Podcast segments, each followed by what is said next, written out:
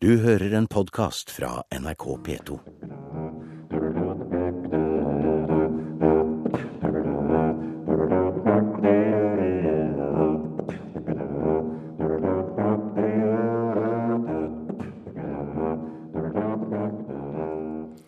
Hva er egentlig en vakker tubalyd? Det spørsmålet ble stilt i forrige uke, samtidig som det ble arrangert tubakonferanse i Linz i Østerrike. Og det var Øystein Båtsvik som stilte dette spørsmålet. Det var også deg vi hørte her innledningsvis med låten som heter 'Snøfnugg'. Hva fikk deg til å stille spørsmålet hva en vakker tubalyd er? Jo, det, det, var fordi jeg satt som eh, juryformann i en uh, musikkonkurranse der det var forskjellige unge tubaister som var med og spilte i denne solistkonkurransen.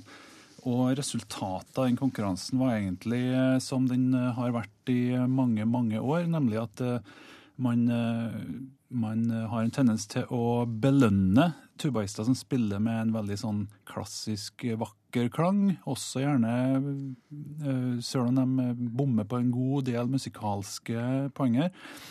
Og så har man en tendens til å straffe de da som ikke har denne fantastiske klangen, men som kan være fantastiske musikere. Og det er jo helt, helt feil. Hvorfor det?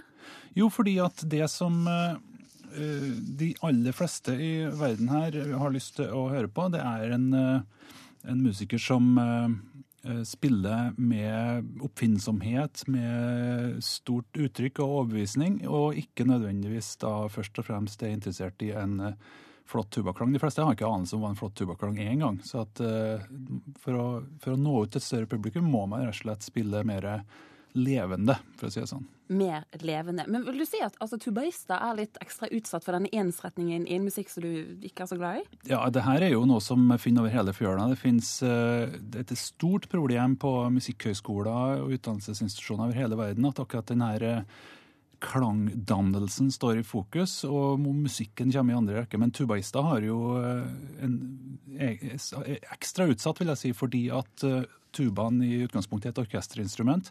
Og man da har blitt flaska opp med at det skal være stabilt, det skal være uten vibrato, selvfølgelig. Det skal være veldig pålitelig og forutsigbart, men det må være kanskje i et symfoniorkester, da. Og så er det en del solistkonkurranser som avholdes, som den du nevnte for tubaister. Men hva er det du egentlig er kritisk til? Jo, det er at, som sagt, at de dommerbedømmelsene belønner umusikalske fremføringer. Tannløse, kjønnløse fremføringer, men som har en flott klang. Og det er ikke det som er veien å, å gå når det gjelder å få dette instrumentet til å bli akseptert som et soloinstrument. Så man trenger noen rebeller? Man trenger mye flere rebeller, og først og fremst for folk som spiller med hjertet, og som tør å gå sin egen vei. Hva fikk deg til å bryte ut fra dette klangidealet? Det var en dyd av nødvendighet. Jeg har jo vært orkestermusiker sjøl og vært der på akkurat samme sted sjøl. Spiller veldig sikkert, veldig forutsigbart. Men så bestemte jeg meg for å skulle ut og slåss med fiolinister og pianister i den klassiske soloscenen.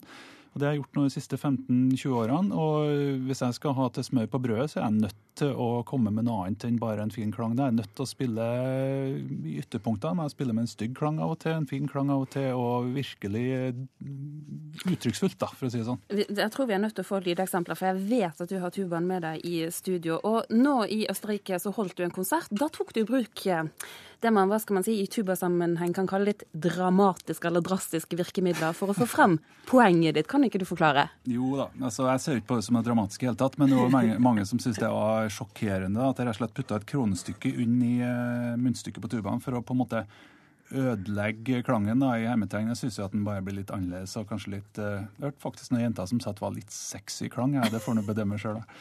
Men uh, først skal jeg ta en frase uten uh, kronestykke og spille for dere her, og så skal jeg ta den med kronestykke etterpå.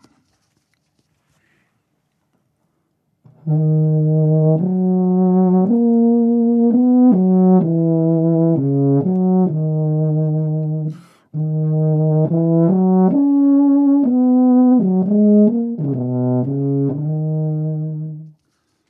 putter vi et kronestykke inn i tubaen. Venter vi spenning.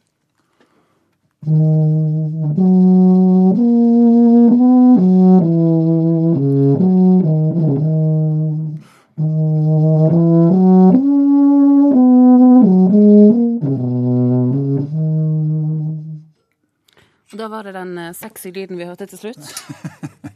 Ja, det var det, gitt. Men hva tror du? Altså, jeg har skjønt at du vil ha det mer levende, du ønsker deg flere rebeller. Hvordan få det til? Ja, det er bare en måte å gjøre det på. Vi må slutte å belønne de som spiller firkanter og uten eh, oppfinnsomhet. Vi må rett og slett starte å belønne de som har noe mer personlig å komme med. Det eneste veien fremover for klassisk musikk generelt. Og det gjelder ikke bare tuba, det gjelder alle instrumenter. Men altså, innenfor jazzsjangeren f.eks. så finnes det jo noe som eksperimenterer litt med, med tuba. Er det først og fremst den klassiske sjangeren du er litt irritert over? Ja, faktisk. Fordi at eh, jeg er stum av beundring over eh, den jazzdelen av musikklivet som faktisk fremelsker personlighet, fremelsker nye ting. Det, det er helt eh, rørende å se på hvor det jazzpublikummet elsker å gå og høre på noe nytt. Mens da er det ditto trist å se på det klassiske musikklivet der hvor man elsker å gå og høre på ting som har skjedd før. Men på en side jeg tror det, vi kommer til en stopp der også, hvor publikum rett og slett ikke gidder å høre på uh, gjentatte fremføringer av, av, gammelt material. Altså, det er ikke bare komposisjonene, men måten å spille på. da. Du kommer til et punkt der hvor vi nærmest eh, saga den greina vi sjøl sitter på, gjennom å være for konservativ.